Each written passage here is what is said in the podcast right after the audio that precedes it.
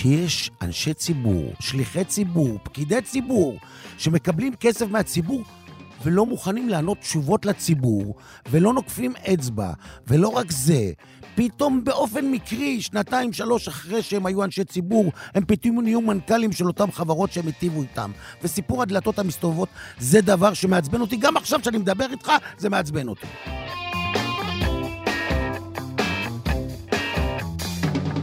ברוכים הבאים למרקרים, פודקאסט סוף השבוע של דה מרקר. ההזדמנות שלכם לקחת פסק זמן ממחזור החדשות היומיומי ולצלול איתנו לסיפורים, לאנשים ובעיקר לרעיונות מאחורי החדשות. כאן באולפן איתכם כמדי שבוע, ענת ג'ורג'י וגיא רוליק. שלום ענת. שלום גיא. שמענו בפתיח את יגאל גואטה, העיתונאי בהווה וחבר הכנסת אה, בעבר, הידוע היום לצופי כאן, תאגיד השידור הציבורי, כאזרח גואטה. טוב, גיא, בשבוע שעבר אה, התלוננת כאן שאני מאחרת לאולפן. אה, נדמה לי שקבענו בשעה 6 ו-20 היום, ועכשיו רבע לשבע, אז אני רוצה לשאול אותך אם יש לך הסבר שאתה יכול לתת למאזינים, ואולי גם לי. אה, היית אמור לנחות בנתב"ג בארבע ולהיות כאן אה, די מזמן. כן, אז מה שקרה הוא שאחרי שהמטוס אה, אה, במינכן התמלא עד אפס מקום, הודיע הטייס או הפרסר, אני לא יודע, שאימו של אחד מחברי הצוות נפטרה, והם מחכים לחבר צוות אחר שיחליף אותו. והמטוס ישב על המסלול משהו כמו אה, שעה ורבע. אז כמובן שאני משתתף בצערו של חבר אה, צוות אה, לופטנזה, אבל ההסבר, ענת, הוא מגוחך. כל יום קורים מיליון דברים לא צפויים למיליוני עובדים, וחברת תעופה אמורה להיות ערוכה, והרעיון שאתה משאיר 300 איש במטוס על הקרקע בגלל חבר צוות אחד הוא... לא הגיוני. וההסבר האמיתי כמובן לתופעה... Yeah, יש, יש מישהו אחד לפחות שיותר נהרס לו היום ממך, אתה יודע. כן, בדיוק. אבל יכול להיות שהוא הרס את היום ל-300 איש, שגם יש להם uh, תוכניות. אז ההסבר האמיתי הוא כמובן החוקים בענף התעופה. החוזים של חברות התעופה הם חד-צדדיים ברובם. חברות התעופה יכולות לעשות לנוסעים כמעט כל דבר שעולה על רוחם בלי לפצות את הנוסע. אם החברות היו צריכות לשלם קנסות למדינה או לנוסעים, ההתנהלות שלהם והתמריצים שלהם היו שונים. אבל אני חייב לציין, אגב, שהגעתי לנתב"ג וראיתי את כמויות האנשים ההיסטריים, הייתי בטוח שיהיו תורים מטורפים לבדיקות אה, קורונה, וזה עבד יחסית אה, סביר. לעומת זאת, מה שאנחנו רואים, שאנשים שרוצים... אה, לטוס לחו"ל, ואיך שרשות שדות התעופה מתייחסת לזה, זה שערורייה מטורפת. טוב, אז כנראה, קודם כל די הרבה רוצים לטוס, כמו שאתה יודע, ויש פה ממשלת שינוי, אז אולי קרה שינוי. אה, זה בגלל ממשלת השינוי, ענת? אני צוחקת גם. אוקיי. אבל גם ענת, גם לך היו היום תלאות, אני שמעתי. כן, כן, האמת שאנחנו אה, לא היינו בשדה תעופה, אלא במקום קצת פחות סימפטי, ואתה יודע, מדברים כל הזמן על העומס בבתי החולים, אז אתמול אה, הייתי עם אבא שלי, היינו עם אבא שלי, ואתה מבין איך נראה העומס הזה מבפנים, שאתה מחכה שבע שעות במיון. אה, ואני כן חייבת להגיד שהצוות אה, עבד בלי הפסקה, אבל אה, לא ממש הצליח להגיע אלינו, וזה היה מאוד מייאש. כן. אז התלאות שלי בשדה התעופה היום, והיום האומלל שלך מתחברים היום בצירוף מקרים לאורח המיוחד שלנו היום שמגיע אלינו לאולפן, ישירות מהאולפן של כל ישראל, של כאן, בשידור התוכנית היומית שלו ברדיו. יגאל גואטה כמובן. זה מתחבר כי בתוכניתו בכאן, בטלוויזיה, גואטה, ידוע כאזרח גואטה, נלחם מדי שבוע בשחיתויות, ברמאויות, בעוולות שחברות גדולות ומשרדי ממשלה עושים נגד האזרחים הקטנים. כן, גואטה הוא היה חבר כנסת של ש"ס בעברו. אה, נדבר על התרבות בממשלה, בפוליטיקה, ברשויות המקומיות, בחברה הישראלית, שאולי גורמת לנו להרגיש חסרי אונים מול כוחות אה, שהם גדולים. נשאל אותו קצת על החוויות שלו כחבר כנסת, קצת עליו. על איך זה נראה מאחורי הקלעים, כעיתונאי. הוא אגב לא מגדיר את עצמו כעיתונאי. נכון. והוא עדיין ממשיך במקביל, יש לו חנות אה, ממתקים וצעצועים בבני ברק, והוא אומר שעדיין רוב האנרגיה והאהבה שלו שם, חלק גדול נמצא שם. נכון, אני, אני אנסה במהלך התוכנית אה, גם לסטות מעט מהשחיתות. אני לא, לא מניחה שאני אעשה את זה בהצלחה גדולה, אבל אנחנו ננסה. הזמנו את גואטה, כנראה שנדבר היום הרבה על אז אמרתי, לי, אמרתי לו בשיחה המקדימה בינינו, שבין גואטה לגיא רולניק, אני לא יודעת כמה אני אוכל לסטות מנושא השחיתות, אבל אני מוכנה לנסות. אוקיי, מיד מתחילים אחרי פרסומת אחת.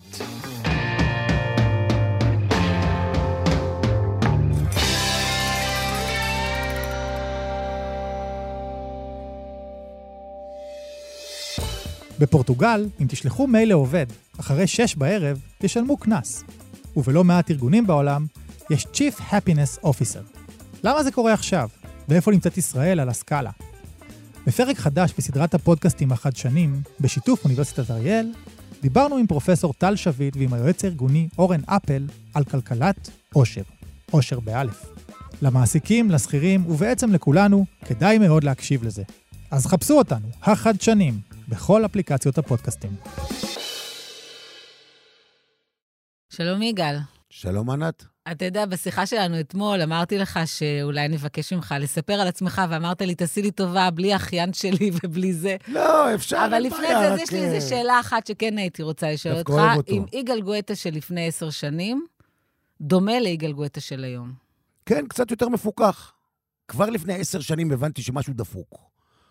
ברור ש... שמשהו דפוק. אתה לא... התלוננת גם על ראש העיר של אלעד, איפה זה היה שם? נכון, במבקר המדינה. רגע, עשר שנים זה היה לפני שהיית חבר כנסת. נכון, ב-2010, 2009, 2016, נכון? ב-2016 נכנסת לכנסת. 2016 כנסת, 2009 ו-2010 הייתי מנכ"ל עיריית אלעד, וזה ממש ממש לא מקובל. ופוטרת כי דיווחת על אלימות. על שמנכ"ל של. עירייה חרדית הולך למבקר המדינה. זה מויסר. אבל מה לעשות? מבקשים ממך לעשות שחיתויות, ואתה אומר לעצמך, רגע, יש לי שתי אפשרויות. או שאני בסוף הולך לבית סוהר, או שאני אלך עכשיו למבקר המדינה. החלטתי ללכת למבקר המדינה, יגאל, אפשר לספר מה כתבת לי בוואטסאפ לפני uh, כמה ימים? אם אני זוכר. כן, כן. אז uh, היה לנו איזה, הזמנתי אותך לפודקאסט ודיברנו קצת והתלוצצנו, ואז כתבת לי, הכל בלוף, אחי, אני פועל עבודות עפר של הציבור, ואז הוספת, צריך פה פינוי-בינוי, הכל מושחת. חד משמעית. אתה הולך היום סתם לרשויות מקומיות, אני לא אזכיר שמות עכשיו, בסדר? ואתה מסתכל על uh, מכרז כוח אדם. ואתה רואה שכל העירייה מדברת על מי ייבחר. זאת אומרת, חודש לפני המכרז כבר יודעים שהתפקיד הזה מיועד לזאת או לזה. ואתה רואה שיוצא איזשהו אה, אה, אה, מכרז אחר, וכבר יודעים מי הקבלן הזוכה. פשוט, זה לא נורמלי, זה מטורף. עכשיו, פעם היו נותנים שוחד מתחת לשולחן, ככה קראו לזה, מתחת לשולחן. היום זה על השולחן, יודעים הכל. אה, אני בזמנו אפילו אמרתי למבקר המדינה, הנה, ציינתי לו מכרזים, שאני יודע מי הולך לזכות. וזה עבר, ואותו בן אדם בתפקיד. כן. אז באמת, מיד אחרי התוכנית שלך בכאן, יש אה, תוכנית שעוסקת ב... שכחתי את שמה, שעוסקת ברשויות המקומיות. מיד אחרי התוכנית שלך יהיה... אני אגלה לך סוד, אני אף פעם לא רואה את התוכניות שלי. אז אני בטח לא יודע מי אחריי, בחיי. למה אתה לא רואה את התוכניות כי אני? עושה אותם, אני צריך גם לראות אותם. אתה לא רוצה להסתכל, בכל זאת כן, להגיד, בוא הייתי צריך נראה לעשות אותך ככה? אחרי ששנה שלמה אתה רודף אחרי אנשים מ-6 בבוקר, 5 בבוקר עד 12 בלילה, כל יום, ואתה עוד מסוגל לראות את עצמך אחרי זה. אז יש תוכנית שעוסקת בשחיתויות ברשויות המוניציפליות, וכמובן כל שבוע עוברים, זו תוכנית נהדרת ומראים דברים. עכשיו, מה מעניין בתוך הסיפור הזה? העניין הוא שהיום, בגלל שבעצם כל העיתונות המקומית בישראל חוסלה ב-20 שנים האחרונות, הוא בדיוק מה שאמרת. היום בעצם אין שום בלמים על שחיתויות ברמה המוניציפלית. כל ראש עיר ועדר מקורביו וחבריו יכולים לעשות מה שהם רוצים. לא, גם, הם נכנסים לכלא, הם נשפטים. על מה הם נכנסים לכלא? כמה כמה נכנסים לכלא? מה, אתה. כל, כל חצי שנה שומע על ראש עיר שנמצא בחקירה? לא, לא, לא, לא, לא, זה לא כזה, זה לא כזה. זה, זה פינאץ לעומת השחיתויות הקיימות. פינאץ. ואין מי שבאמת פינאץ. מבקר אותה. תראה, אז... לא, אז- יש מי כן. שמבקר בטייטל. יש כן. מבקר הרשויות במשרד הפנים, יש ברור, מבקר כן. המדינה, יש... יש זה. מבקר פנימי יש שאמור להיות מבקר לא פנימי כפוף של לראש העירייה, העיר. שהוא כפוף לראש העיר, מקבל משכורת מראש העיר, היועץ המשפטי מקבל משכורת מראש העיר, גזבר העירייה מקבל משכורת מראש העיר, ו- ו- וככה זה נראה. כולם מעדיפים להיות מושחתים מאשר להילחם במערכת? לא, כולם מעדיפים להתפרנס פשוט. תראי מה קרה ליגאל גואטה שהלך למבקר המדינה, בסוף מצא את עצמו בחוץ. כי מבקר המדינה לא באמת נותן גיבוי. הוא יכול לתת לך צו הגנה, חצי שנה סיפורים, אבל בסוף, בסוף, בסוף, אה, כשאני הלכתי למבקר המדינה, אמרתי אז למבקר המדינה, אמרתי לו, תקשיב, יש 252 רשויות במדינת ישראל. נראה לך באמת שאני המנכ"ל היחיד שראש העיר מבקש ממנו לעשות דברים מושחתים? לא. אבל למה אני ושכמותי בודדים פה? כי כולם בסך הכל רוצים להתפרנס, להביא כסף הביתה. והם יודעים שאם הם יבואו אליך, בסוף הם ימצאו את עצמם בלי פרנסה. וזה הדבר הכי מצער. עכשיו, מה זה באמת כל מוסד מבקר המדינה, עם כל הכבוד, מה יש בו? כלום ושום דבר. הוא כותב דוח, ואחרי זה לוקחים את הספר, זורקים אותו בפח, וביי, כותבים לו תגובה, קיבלנו את הזה, ואנחנו בהחלט נתייחס לזה, ונתקן ונתקן ונתקן, וביי. יגאל, בעצם השחיתויות ברשויות המקומיות זה תמיד הייתה בעיה קשה. מה שקרה בעשר אה, שנים האחרונות הוא קודם כל, כמו שאמרת, הרבה מהדברים כבר על השולחן, ויש דבר נוסף, הוא בגלל העלייה המטורפת במחירי הנדל"ן, היכולת, תסלח לי על הביטוי, לגנוב, הסכומים שפה נגנבים בזה שנותנים זכויות בנייה, הם מטורפים. כלומר, השחיתויות ברשויות המקומיות בעצם, במידה רבה, אנחנו, ה, יש חבורה של אנשים שמעבירים מיליארדים מהרכוש הציבורי לכל מיני מקורבים וחברים, יזמים ואנשי נדל"ן. בהחלט. וגם גורמים עבריינים נכנסים לתמונה. ואז בכלל, בן אדם שהוא קבלן נורמטיבי, עף החוצה. לא רוצה להתעסק בדבר הזה. הרי כל העולם מכיר את הסיפורים של המכרזים בפזורה וכולי וכולי וכולי, שמגיעים לסיור קבלנים, אף אחד לא מגיע. או שמגיע מישהו ואומר, רבותיי, זה הזוכה, תדעו לכם, אנחנו פה. זה, זה, זה מבהיל. אבל אתה יודע, ברשויות המקומיות זה קצת שריף מקומי. זאת אומרת, אה, ראש עיר מנהל את העיר שלו, והוא די מנהל אותה בנפרד. יכול להיות שהמנגנונים החיצוניים באמת לא מספיק חזקים. אבל זה לא מתחיל משם. זה מתחיל מזה שראש העיר, לפני שהוא ראש העיר, הוא רוצה להיבחר. ואז הוא צריך עזרה מכל מיני אנשים, והוא צריך מימון, והוא צריך וכולי וכולי וכולי, והוא צריך כנסים, ואז מגיעים כל הנשמות הטובות, ואומרים, אדוני ראש העיר, אתה צודק, אנחנו נבחר רק בך, אנחנו שבוע הבא עושים לך כנס באולמי זה וזה, תבוא, תדבר. ואז פתאום הוא מגיע, וואלה, והוא רואה, הבן אדם הביא לו אלף איש לכנס. הוא מסוגל אחרי הבחירות להגיד לו לא? אני רוצה לקחת את זה לעוד מקום. הרבה פעמים האזרחים בתוך הערים האלה, התושבים, אומרים, כן, הוא מושחת, אבל הוא פצצה של ראש עיר. דרך אגב, אמרו את זה על אחיאני, ואני רוצה לקחת את זה... בעיה רוחבית. בעיה רוחבית בעיה קשה של... מאוד. אז אני רוצה לשאול אותך שאלה אחרת. אתה היית בש"ס הרבה מאוד שנים, אתה איש ש"ס. כן. היית מזכ"ל המפלגה. כן. ש"ס, אה, אתה יודע, אני לא יודעת אם יותר או פחות מושחתת ממפלגות אחרות, הרבה מראשיה התמודדו עם החוק, בוא נאמר ככה. זה לא מפריע למצביעים שלה. ואני רוצה לשאול אותך, האם לציבור בישראל, או גם בטח לציבור שבוחר בש"ס, לא מפריע שהמפלגה הזאת נגועה בשחיתות? קודם כל, אני חושב שש"ס כמפלגה היא לא מושחתת. זה לא נכון להגיד את זה. זה שהיו כמה אנשים ש... ש יושב ראש המפלגה. שהלכו לבית האסורים, זה עוד עניין, אבל הציבור של המפלגה הוא ציבור מדהים, הוא ציבור שבאמת נדחק לשוליים במשך שנים רבות, וסוף סוף הייתה מפלגה שקצת הרימה לו את הראש. אבל אה, אם אנחנו, אם אנחנו נלך ל, ל, למה שאמרת לגבי אה, ראשי רשויות, הטעות של הציבור היא שהציבור חושב, הוא אומר, שמע, אני לא אכפת לי שראש העיר גנב. העיקר הוא עושה לי גינות, נכון. הוא עושה לי גנים, הוא עושה לי בתי ספר. אז שייקח גם קצת לעצמו. שייקח לעצמו. מה שהציבור לא מבין, שמה שהוא לוקח לעצמו, בסופו של יום היה צריך להיות מזה עוד בית ספר, ועוד גינה, ועוד מדרכות. זה לא שהוא לקח מהקבלן. בסוף, בסוף, בסוף האזרח משלם את זה, וזה הסיפור האמיתי. מה שבעצם אה, ענת שאלה, ענת אומרת, תראה, אנחנו פה שבטים. אני ב... אוהבת שאתה מצטט אותי, גיא. תכף נראה, או את יכולה גם לתקן. בטח ובטח כשאתה מפרשן אותה. לא, הוא מפרשן אותי, אני מדברת, ואז הוא אומר, מה שענת אומרת, ועכשיו אני אשמע מה אמרתי. כן. תגידי לי אם אני טועה, בסדר, אוקיי, ענת? בוא, בוא נבדוק. ענת אומרת שההצבעה של, אה, אה, שלנו היא שבטית. כלומר, אה, החבר'ה של ש"ס מצביעים לש"ס, החבר'ה מרמת השרון מצביעים ליאיר לפיד, ו... וחבר'ה של אה, מפאיניקים של פעם מצביעים לעבודה, והשמאלנים מצביעים למרץ וכן הלאה, והליכודניקים כמובן ליכודניקים. אומרת, בסופו של יום שהבוחר הישראלי מגיע לקלפי, הוא לא בוחר אותם על בסיס מי שהוא רואה נקי ונלחם בשחיתות. כל אחד אומר, כל המפלגות אה, מושחתות, לכל אחד יש את הפורמט שלו. איך אתה רואה את זה? קודם כל, זה לא מה שהתכוונתי, אבל זו שאלה טובה. אני התכוונתי לזה שאני חושבת שהציבור היום נהיה קצת כהה לגבי השחיתות, כי יש שחיתות בכל מקום. אבל העניין הסקטוריאלי הוא מעניין. אבל זה מה שהציבור טועה, כאילו, אם אנחנו נגיד כל פעם... אני שאלתי, אני לא, לא, לא, לא, אני לא אומר, אמרתי. אני אומר, פה, פה בעצם הציבור טועה, אם הציבור ימשיך להגיד, במילא כולם מושחתים, אז יאללה, בוא נזרום עם זה, ובמילא כולם מושחתים, אז יהיה עוד פחות ועוד פחות ועוד פחות ועוד פחות, ובסוף לא יישאר לציבור כלום. כל הכסף ילך למסביב. השחיתות הזאת היא על חשבונו אני בעצם. אני עקבתי פעם אחרי איזשה, איזשהו פרויקט של אה, נוער במצוקה. עשיתי בדיקה, הסתבר שהקצו לצורך העניין הזה איזה 80 מיליון.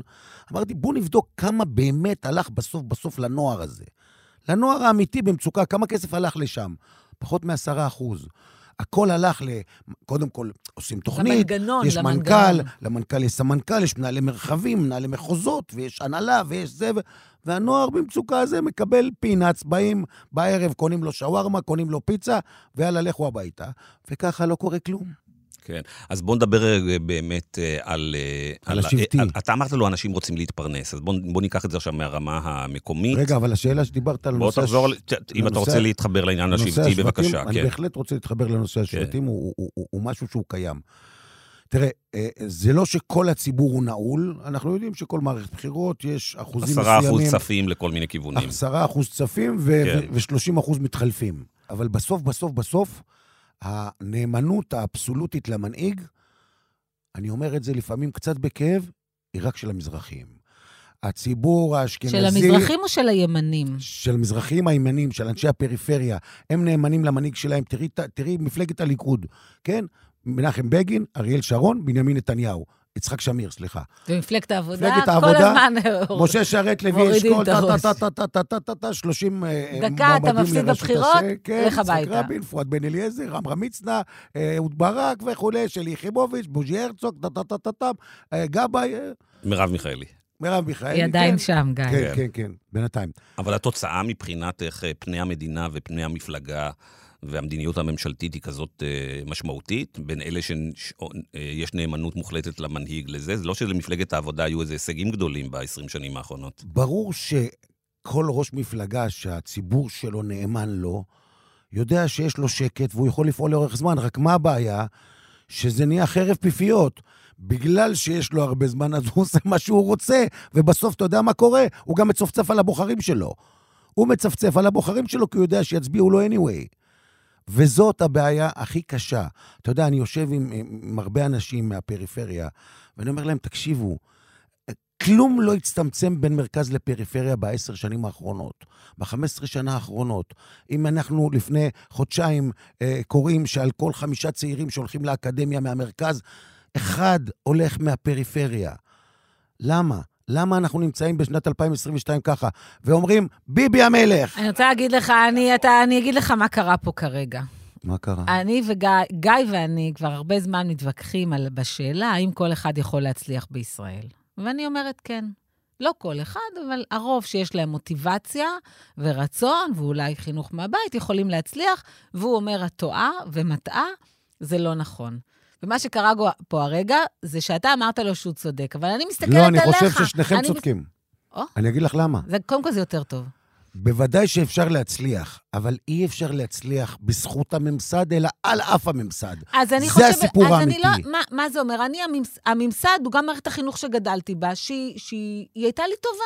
היא ראתה אותי, היא נתנה לי הזדמנות. אז אני אומר לך שמערכת החינוך שאני גדלתי בה לא הייתה לי טובה.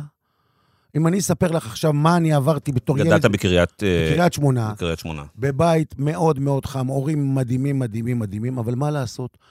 הם בקושי ידעו את השפה. אמי עד יום מותה לא ידעה קרוא וכתוב בעברית. ואני הלכתי לבית הספר, והמורה נתנה לנו לעשות חיבור על השיר של חיים נחמן ביאליק, פרפר פרפר פרח חי. וחזרתי הביתה, האחים שלי כולם היו בפנימיות, ובאתי לאימא שלי. אבי עבד מאוד מאוד קשה עד שעות הלילה המאוחרות כדי לפרנס 13 נפשות, 12, ועוד סבתא שלי הייתה אצלנו בבית. ואני בא לאימא שלי ואני אומר לה, אני צריך לעשות חיבור על חיים נחמן ביאליק. פעם. אתה מבין מה, מה, את המעמד? ובאותו רגע אתה גם לא מבין שאין לאימא שלך כלים לעזור לך. רק לימים, כשאתה מתבגר, אתה קולט שלא היה לה פשוט כלים לעזור לך. ואז מה שאתה עושה, אתה, אתה, אתה, אתה, פשוט לא מכין שיעורי בית. ואתה הולך למחרת לבית הספר, והמורה, במקום לחשוב, רגע, למה הוא בא כל יום בלי שיעורי בית? היא הופכת אותך לקוריוז. אתה נהפך להיות התיאטרון של הכיתה. גואטה, במנגינה, הכנת שיעורים? לא המורה. אז מחר תכתוב 500 פעם עונש, צריך להכין שיעורי בית. טוב, המורה. ואז עובר עוד יום, ואני עוד יום לא מכין שיעורים. ואז היא אומרת, פותחת את השיעור, גואטה, הכנת שיעורי בית? לא המורה. אז למחר תכתוב אלף פעם שצריך להכין שיעורי בית. ואחרי שלושה ימים שאני לא כותב את העונש, היא שולחת אותי למנהל.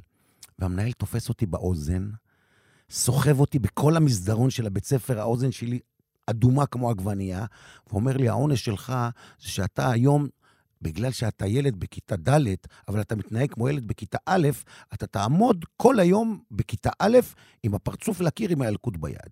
אני אין ספק שיש תפקיד למדינה, אני לא אומרת שזה לא נכון, ויחד עם זאת אני אומרת שזה גם בידיים שלנו. את מבינה שאף אחד באמת לא ישב שם באותה תקופה, אז נגיד שאז זה היה... אבל אז הגעת לישיבה, וראו את היכולות שלך, והתקשרו לאבא שלך רגע, רגע, ואמרו לו, רגע, בוא, אבל- אבל את הילד משהו." צריך להקפיץ כיתה, כי ילד רגע, מבריק. אבל רגע, אבל רגע, משהו שכחת באמצע. הלכתי לישיבה, את יודעת למה? כי היה שלב שהרבצתי לכל מי שזז בבית ספר. ילד אלים, לא לומד, אני לא מרגיש שאני מצ- מצליח להתקדם בשום מקום בכיתה, ואז אתה מתחיל להיות אלים. ואז, ריבון העולמים, מישהו שיבוא ויטפל בילד הזה, מישהו שיבוא הביתה, מישהו שיבין מה קרה, למה הוא לא לומד. ואז באים לאבא שלי ואומרים לו, תשמע, צריכים לשלוח את הילד למשהו, אם אני זוכר את הניסוח הנכון, מוסד לעבריינים צעירים. שלחו אותי לישיבה, הלכתי, ראיתי שעל הגג של הישיבה יש מגרש כדורגל, אמרתי, וואלה, פה אני רוצה. ונכנסתי לישיבה, וראה זה פלא, בשיעור, אחרי השיעור שהמורה מוסר, יושבים איתך גם המורה וגם עוד שני מדריכים, ועושים איתך את השיעורי בית בכיתה. אין שיעורי בית. עושים את הכל בכיתה, ואז אני שואל את המורה או את המדריך שאלה, והוא עונה לי, ואני אומר, וואלה, יש לי תשובה, הנה אני קולט, אני לא כזה מטומטם כמו שחשבתי. ואתה פשוט לא מאמין. אני בסוף כיתה ו', מזמינים את האבא שלי, את ההורים שלי לאספת הורים. אבא שלי מגיע עם שלושה אוטובוסים מקריית שמונה. והמנהל של הישיבה אומר לו, מר גואטה, למה באת? יש לך ילד יהלום. אז אבא שלי אומר לו, לא, לא, אני, אני אבא שלי יגאל גואטה. אומר לו, כן, כן, כן, אתה, אנחנו רק רוצים להודיע לך שהילד לא עולה לכיתה ז', אנחנו מקפיצים אותו לכיתה ח'. זה הכל. זה הכל קצת תשומת לב. אבל אף אחד לא מעניין אותו הפריפריה, ושאף אחד לא יספר לי סיפורים.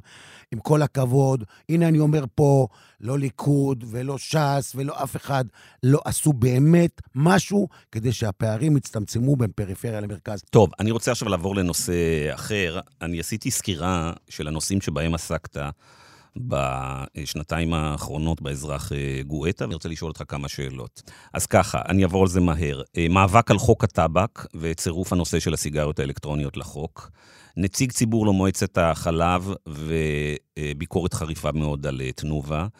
עיסוק בתאונות הבניין. ליקויי בנייה, כן. נכון. מניעת הארכת חוזה שכירות לתחנה המרכזית וקידום התוכנית לפינוי התחנה.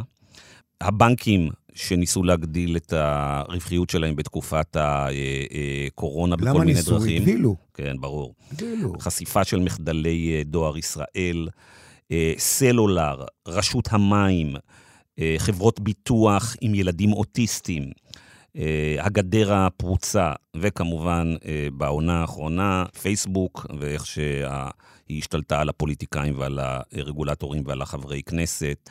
תנסה לחזור איתנו לתוכניות האלה, ותספר לנו מתי אתה זוכר שנתקלת ברוע, בשחיתות, באוזלת יד או באטימות, שגרמה לך לכעוס במיוחד או להיות עצוב במיוחד. גיא, כל הפרקים, באמת, גורמים לי לכעוס. אני אחרי יום צילום מגיע הביתה, יומיים לא רגוע. ביום שאני אפסיק לכעוס, אני אפסיק לעשות את האזרח גואטה.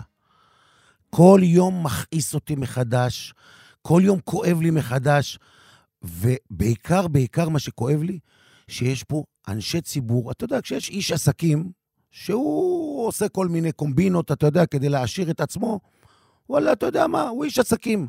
אבל כשיש אנשי ציבור, שליחי ציבור, פקידי ציבור, שמקבלים כסף מהציבור ולא מוכנים לענות תשובות לציבור, ולא נוקפים אצבע, ולא רק זה, פתאום באופן מקרי, שנתיים, שלוש אחרי שהם היו אנשי ציבור, הם פתאום נהיו מנכ"לים של אותן חברות שהם היטיבו איתם. וסיפור הדלתות המסתובבות זה דבר שמעצבן אותי. גם עכשיו שאני מדבר איתך, זה מעצבן אותי.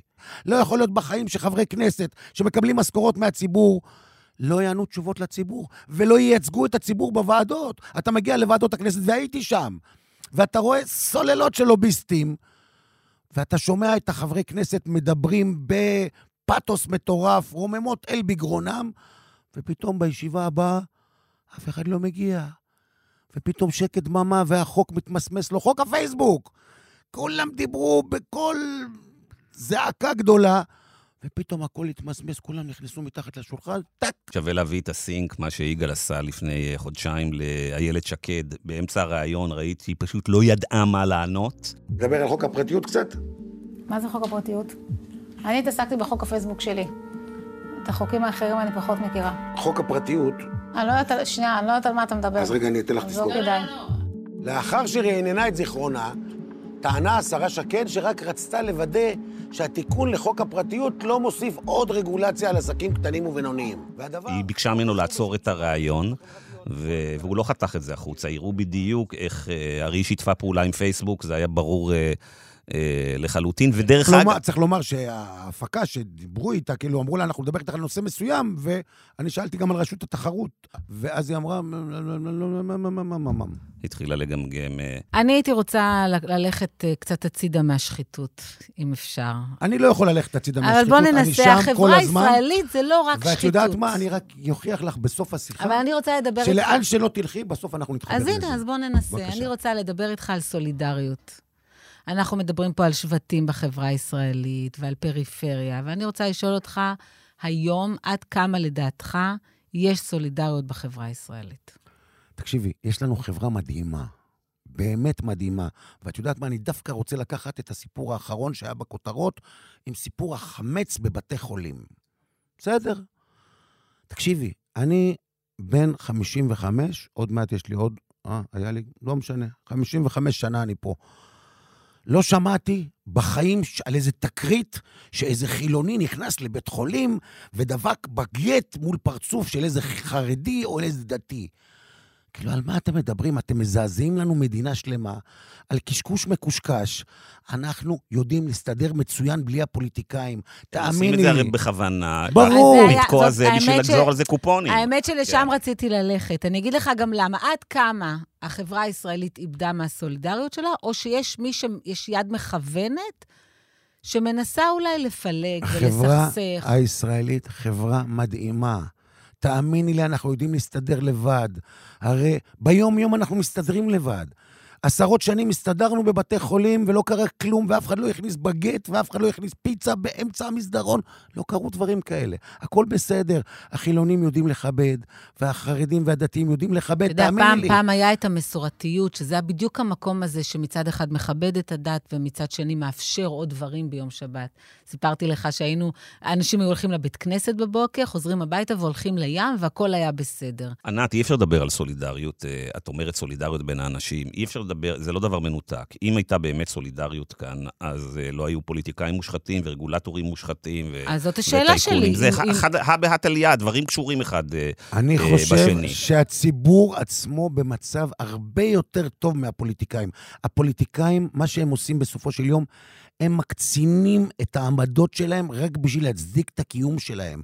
הרי אם אנחנו נחיה, נחיה באמת בפוליטיקה, כמו שאנחנו חיים ביום-יום, אז היו פה אולי שתי מפלגות, נכון? כן, אבל זה בנושאים ספציפיים שאפשר באמת לגזור קופונים, להכניס אה, שסע בתוך הזה. זה בכל אבל דבר. מה שאתה מתאר, אתה... זה בכל דבר. זה בשנים נכון. האחרונות יצא איזשהו, אה, לא יודע איך לקרוא לזה, איזושהי תפיסה כזאת, שמי שמצליח לשסע, זה מה שמביא מנדטים, זה מה שמביא את האלקטורט, וזה מטורף על הראש. פייסבוק כמובן עזרה לזה מאוד. כי נכון. זה, כי זה מקום ששופך רעל, שהרעל בו הוא ה- האלגוריתמים מקדמים את הרעל. לא, אני אומר שעם כל הכבוד גם אומר לשסעים... שאין סולידריות בחברה הישראלית. לא, לא, יש סולידריות בחברה הישראלית, אפשר לדבר עליה, יש סולידריות בין קבוצות שונות, אבל בסופו של דבר שאי אפשר לדבר על סולידריות. סולידריות הוא גם זה להכיר בזה שאתה דואג לא רק לאנשים שנמצאים אה, סביבך, ולאנשים מכבד את שדומים. לך ולקבוצות, אלא גם שאתה מכבד את המוסדות הדמוקרטיים, והמוסדות הדמוקרטיים אה, מכבדים אה, אותך.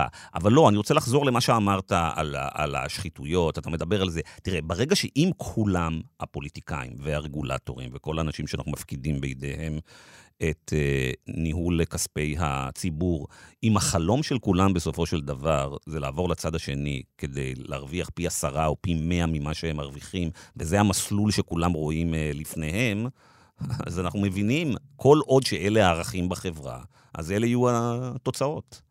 תראה, אני, אני לא חושב שאלה הערכים האישיים של האנשים בחברה. זאת אומרת, זה שאזרח במדינת ישראל אומר לך, אתה יודע מה, אין לי כוח שראש העיר יגנוב, העיקר שהוא עושה לי גנים, זה לא אומר שאותו אזרח ירשה לעצמו לגנוב. לא, לא. אבל הוא נמצא באיזשהו מצב שהוא מבין שהמצב הוא כל כך גרוע, שהכל מושחת כבר, ואתה רואה פוליטיקאים שהיום אומרים מילה ומחר מחליפים אותה, ו- ו- ומבטיחים הבטחות ולא מקיימים, ומספרים סיפורים, ובלבולי מוח. רואים את זה כל יום. תשמע, היום לשמוע פוליטיקאים זה פשוט נורא ואיום. אנשים אין להם מילה. אנשים אומרים מילה היום, מחר מחליפים אותה. כן, אמרתי, אבל התכוונתי לזה, אבל ככה וככה וככה וככה וככה וככה, וכולם חושבים באמת שעידית סילמן עזבה את, ה, את הקואליציה בגלל החמץ בפסח. נו, בחייאת, חלאס. אנחנו לא מטומטמים. תקשיב, השמאל במדינת ישראל טועה טעות מרה וגסה. יש לו מומחיות להגיד את הדברים הכי לא נכונים, הכי לא נעימים לאוזן, בזמן הלא נכון, בתזמון הכי גרוע. יש לשמאל איזה, אתה יודע, גבי לסקי השבוע, עם תשלומים למחבלים, ו... מה דחוף לך להגיד את זה עכשיו? אולי גם כדי למשוך תשומת לב, כמו... אבל חלאס, בחייאת, חלאס עם זה. גם להם יש מאבקים פנימיים והם צריכים לבלוט. מה היה דחוף לשר הבריאות עכשיו לתת הוראה לאכוף את החלטת בג"ץ? שדרך אגב, תכף אני אגיד לך גם מה דעתי על, על ההחלטה של בג"ץ. בשביל קבוצה קטנה אצלו בתוך המפלגה, שהוא צריך אה, להצדיק את עצמו. הרי כל הפוליטיקאים נאבקים לא מול ה... הרי אתה יודע את זה יותר טוב מכולנו, הפוליטיקאים לא נאבקים בדרך כלל מול המפלגה מהצד לא השני. הם, הם נאבקים בתוך המפלגות שלהם, על בולטות. כן, אבל אני גם לא בטוח בולטות. שהקבוצה שתמכה בו רוצה בכלל שהוא, היה, שהוא יעשה את זה. אני לא בטוח. אבל אני רוצה ללכת עוד קצת יותר עמוק מזה. אני חושב שאותו בג"ץ, שפסק, ש... אסור לחטט לאנשים בתיקים, בפסח, בגלל החמץ וסיפורים. זה בג"ץ שמנותק מהעם. הבג"ץ הזה היה צריך לקרוא לאנשים שמבינים קצת בלאחד את העם, שיודעים למצוא את הדרך באמצע, ולשבת ולחשוב איך מוצאים פתרון באמצע. מה עשיתם? פסק, לא לבדוק לאנשים בתיקים. נו, בחייאת, אבל מה עשיתם בזה? מה עשיתם בזה? מה, מה, מה, מה, מה איחדתם את העם? זה בדיוק העניין הזה, שאתה יודע, זה מפלג וזה מייצר, זה כאילו... להגיד את המובן מאליו, כאילו שיש חלק שלא עושים את זה. אבל, אבל אתם לא יכולים... הם היו מכבדים גם אם לא היו אומרים, וזה בדיוק מה לא שאמרנו קודם. לקבוע חוקים או פסקים מנותקים מהעם. בואו, בסך הכל, בסופו של יום, רוב, אני חושב, רוב הציבור פה הוא ציבור מסורתי, שעושה ברית מילה, רוצה לעשות בר מצווה לילד, וכולי וכולי וכולי וכולי. שבו, תדברו. זה לא שחור ולבן. תמצאו את הדרך באמצע, כן? אתם לא יכולים כל הזמן לחתוך את, את, את, את, את הראש של, של, של האנשים ולא להתייחס למה שקורה בתוך העם. אני קיבלתי לפני חצי שנה בערך פרס מגן השקיפות. וישבתי שם, אני חושב שעד היום הם מצטערים שנתנו לי את הפרס הזה. ישבתי שם, ישבו שם אנשים מאוד מכובדים, השופטת נאור ודורית בייניש, והשופט מני מזוז, והשופטת פורקצ'ה וכולי וכולי וכולי וכולי וכולי, וביקשו ממני להגיד כמה מילים. ואמרתי, רבותיי, אני כל החיים שלי נע בין שבילי השקיפות והשחיתות. אבל אתם צריכים לדעת דבר אחד, כשאתם מדברים על שקיפות, אתם לא יכולים לתת מוסר לאף אחד כשעננה כמו רות דוד מרחפת מעל ראשכם עשר שנים. אתם לא יכולים לתת מוסר לאף אחד כשעננה כמו אפי נווה מרחפת מעל ראשכם. אתם לא יכולים. אתם חייבים לפתור את הבעיה הזאת. ואני לא אגיד שמות, אבל שתי שופטות בכירות שישבו שם, שמעתי, ישבו בשורה הראשונה, אחת אמרה לשנייה, הוא צודק במאה אחוז.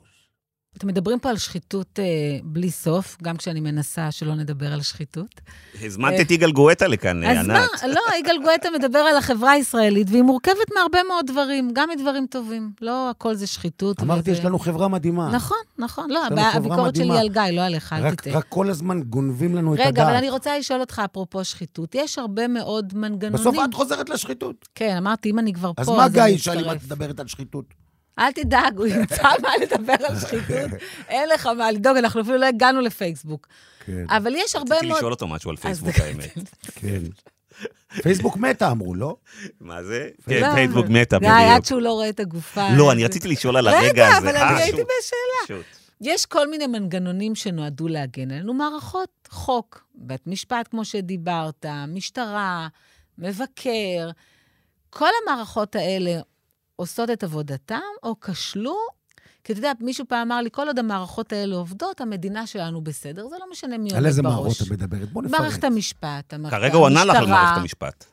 אבל אני רוצה להרחיב את זה. כן. משפט, משטרה, אה, מבקר המדינה, כל המערכות שאמורות להגן עלינו, לשמור על שלטון החוק, אני רוצה לשמור על ללכת איתך עכשיו. לתחנת המשטרה הקרובה, ולבדוק כמה תלונות של אנשים על שגנבו להם, על שפרצו להם, על כל מיני כאלה דברים.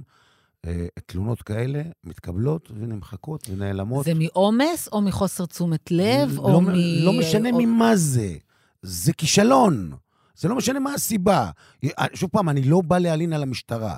יכול להיות שהמערכת אה, לא נותנת מספיק כוח אדם ולא נותנת מספיק משאבים, אבל בסוף, בסוף, בסוף את רואה שהדברים הקטנים של האזרח הקטן נופלים בין הכיסאות. תגידי לי, אני רוצה לשאול אותך שאלה. מה הסיכוי של אזרח שמרוויח 6,000, 7,000 שקל בחודש, ללכת לתבוע מישהו בבית משפט, מישהו שהונה אותו? מה הסיכוי? תגידי לי את. בית משפט זה עסק לעשירים. ברור. אפס סיכוי, ואל תספרו לי סיפורים, סנגוריה ציבורית, בלבולי בדיוק שכל. מה שרציתי לשאול. קשקושים, קשקושי קשקושים. אין לו שום סיכוי, הוא לא מתחיל עם זה אפילו. אני אגיד לך יתרה מזאת. לא מדבר איתך על בית משפט, מדבר איתך על זה שרשות מקומית כותבת ל- ל- ל- לאזרח קטן שמרוויח 5,000 שקל, 6,000 שקל בחודש, אתה צריך לשלם כך וכך כסף קנס על זה כי עמדת על בכחול לבן, כי, כי, כי, כי, כי, כי. הסיכויים שלו לערער על ענת, זה... זה חוזר לשיחה שיש לנו פה הסיכויים הרבה... שלו אז לערער על זה. אז אתה אומר, אפס. אתה אומר שהמערכות האלה שנועדו לשמר את הדמוקרטיה ואת שלטון החוק, לא מספיק מתפקדות. לא רואות את האזרח הקטן, נקודה. ענת, זה חוזר לשיחה שיש לנו פה הרבה, שבגלל פערי הכוח והמידע והכסף והמשאבים העצומים בין האזרח לבין המדינה ולבין החברות הגדולות, זה בדיוק הסיבה שאנחנו לא יכולים להשליך את יהבנו על בית משפט, גם כשהוא מתפקד, כי הפערים כל כך גדולים, ולכן אין לנו ברירה, אנחנו צריכים רגולציה. זה בדיוק הדבר. ורגול... ואם נחזור לרגולציה, הסיבה הרבה פעמים שהרגולציה לא עובדת, היא בדיוק על מה שיגאל ואני לא, מדברים, וגם אתה יודע- שהרגולטורים חושבים לשרת את ו- המפוקחים מ- שלהם ולא את תשאל עצמם. את יגאל גואטה, אז הוא יגיד לך שמי שעומד מאחורי חלק גדול מהרגולציה זה לוביסטים שבעצם משרתים בעלי הון. זה מה ש... זה, ברור. זאת הכוונה. ברור, אבל זה ברור, זה לא יגאל גואטה, זה- זו המציאות אומרת. לא, כי זה פשוט תגידי, מה את. יודעת מה? בוא, בוא, בוא. בוא. אבל אני, בוא- שוב, בואי אני נעשה- אז בוא- זה הכל כל בוא כך... נעשה דיון מעניין. מה זה לוביסט בעינייך? מישהו שמייצג חברות, שמה? שמייצג את האינטרס שלהם מול הרגולטור. למה החברה לא יכולה לבוא לוועדה? למה מגיע אליי לוביסט אה, בתור חבר... שאלה רגע, רגע. רגע, רגע. למה. לוביסט מגיע אליי בתור חבר כנסת? כי החברה, כולם יודעים מה האינטרס שלה, ואצל הלוביסט אתה לא יודע. לי, ואומר לי, גואטה, מתי אפשר לשבת איתך על כוס קפה?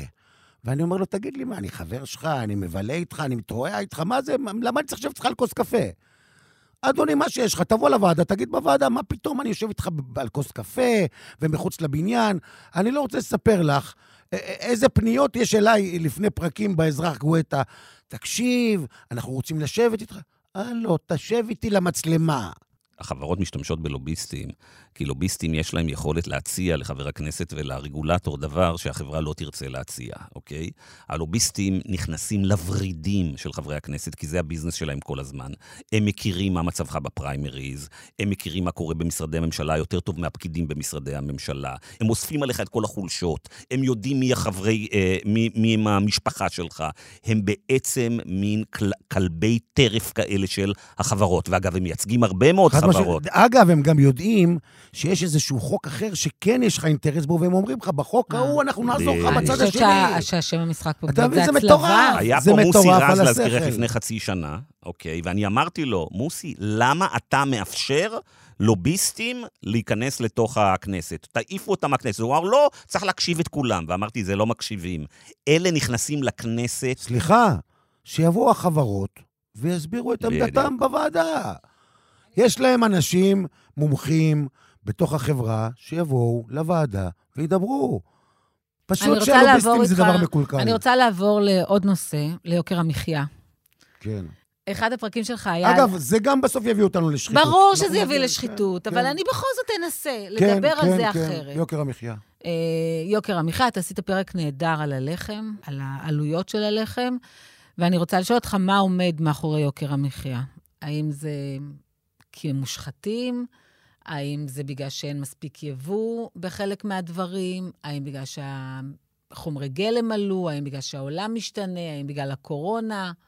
גם וגם וגם וגם וגם, אבל בסוף, בסוף, בסוף, זה מונופולים עשירים מאוד, שמחזיקים את הפוליטיקאים בגרון. את יודעת, אני, אני חייב להגיד את זה. אני אמרתי פעם שעבריין שעובר על החוק בעיניי זה חמור מאוד. אבל מה שיותר חמור בעיניי, זה אותו אלאון שכותב את החוק. הוא כותב את החוק איך שמתאים לו, זה הרבה יותר גרוע מאותו עבריין שעובר על החוק. כי אתה מסדר את כל החוק בדיוק שיתאים לך, ואתה יודע בדיוק מה צריך להיות כתוב בחוק כדי להגביל את, ה, את היבוא הפרללי המקביל, וכדי לעצור את זה ולעצור את זה ולעצור את ההוא, ולהמשיך להתעשר. הרי זה לא יכול להיות... הייתה, הייתה פה, את זוכרת, אה, הלוביסטית של תנובה, ש... שהיא הייתה פה מלובי 99, כן. והיא אמרה, משרד האוצר רצה לעשות את רפורמת הקורנפלקס, ניצלנו את זה כדי לכתוב את החוק, כדי להגן על כל ה... על כל ה... היא סיפרה לנו את זה פה לפני... אה, לפני uh, כמה uh, אבל, חודשים. אבל זה ברור, ובסוף אנחנו משלמים... יגאל, אחד הדברים הכי חשובים שאתה עושה בתוכנית שלך זה שאתה מגיע למנכ"לים עצמם. ותופס אותם שהם לא מוגנים על ידי רשת המאכערים, כלבי התקיפה והלוביסטים, ואתה פשוט תופס אותם. למשל, חיכית למנכ"לית פייסבוק בחניון. כמה שאלות אפשר? עדי? לא, לא, לא. לא למה? שאלה קטנה. תראי, לתמונות התוצרת יפה. את חוק הפייסבוק נתניהו הוריד ביום אחד. היה לכם איזשהו דיל איתו או משהו שאנחנו לא יודעים? אבל הבטחת לי שתדברי איתי. מה? אתם לא משלמים מיסים בארץ, אתם עושים פה טונות של כסף. תספר לי קצת, ואתה עושה את זה להרבה מנכ"לים, תספר לי על הרגעים האלה שבהם הם פתאום צריכים להתמודד עם uh, גואטה, דבר שכל הזמן הם מוגנים מפניו. קודם כל תהיה רגוע, הם מוגנים אחרי חומות ודלתות מקודדות, שאי אפשר להגיע אליהם. עד שתפסתי אותם זה אחרי 30 פעם שחיכיתי להם מתחת למשרד או מתחת לאיזשהו מקום. זה לא כזה קל. אבל אתה יודע, בסוף, בסוף, בסוף, הוא לא יכול כל החיים רק לברוח. ואז אני מגיע למנכ"לית פייסבוק, לכנס שהיא משתתפת בו. ואני ניגש אליה בצורה הכי מכובדת. בתחילו ורחימו. כן. שלום יקירתי, מה שלומך? יגאל גואטה מכאן 11.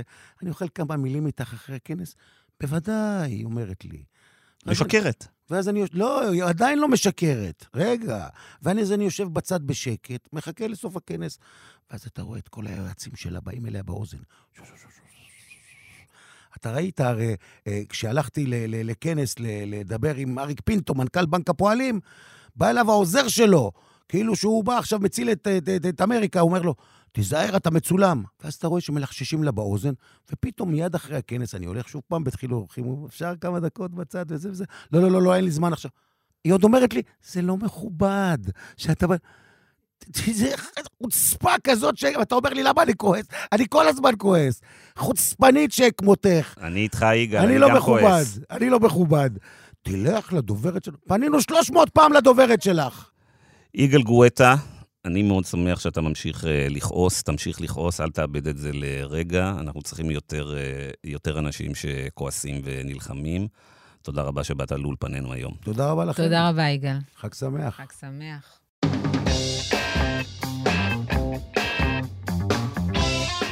טוב, גיא, אז אני, כמו שאמרתי בפתיח, ניסיתי לקחת את הדיון לנושאים נוספים, כמו הסולידריות בחברה הישראלית, כמו לא, יוקר... דיברנו על זה. כמו יוקר המחיה, כן, אבל איכשהו כשזה מגיע אליך, הכל מתחיל ונגמר אה, בשחיתות. אבל ראית שגם זה אצל יגאל אותו דבר. נכון, יגאל, אה, דרך אגב, כן. הוא פשוט... לא, לא הכל עוסק בשחיתות, אבל כשמזמינים את יגאל גואטה לאולפן, אני חושב שהוא ראה את הדברים האלה יותר מעיתונאים, כיוון שהוא היה אה, מנכ"ל של...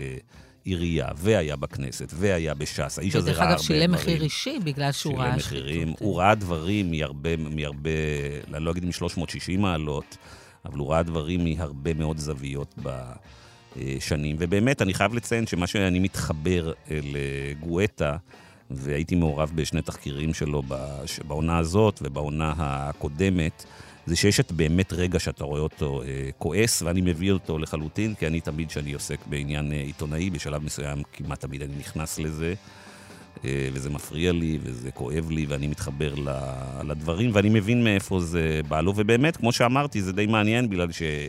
הייתי איתו בכמה מהתוכניות, אנחנו יושבים ומדברים, אנחנו שני אנשים שבאים כאילו לכאורה ממקומות מאוד uh, שונים, אבל uh, יש כנראה איזה כמה ערכים שבכל זאת אה, מחברים אה, אותנו. ועדיין, אחרי כל זה, אני רוצה להגיד שיש הרבה מאוד רבדים בחברה הישראלית, והרבה דברים שאפשר לדון ביניהם. השחיתות זה משהו שצריך להילחם בו ולמגר אותו, אבל זה לא הדבר היחיד, כי אחרת זה באמת מאוד מאוד מייאש.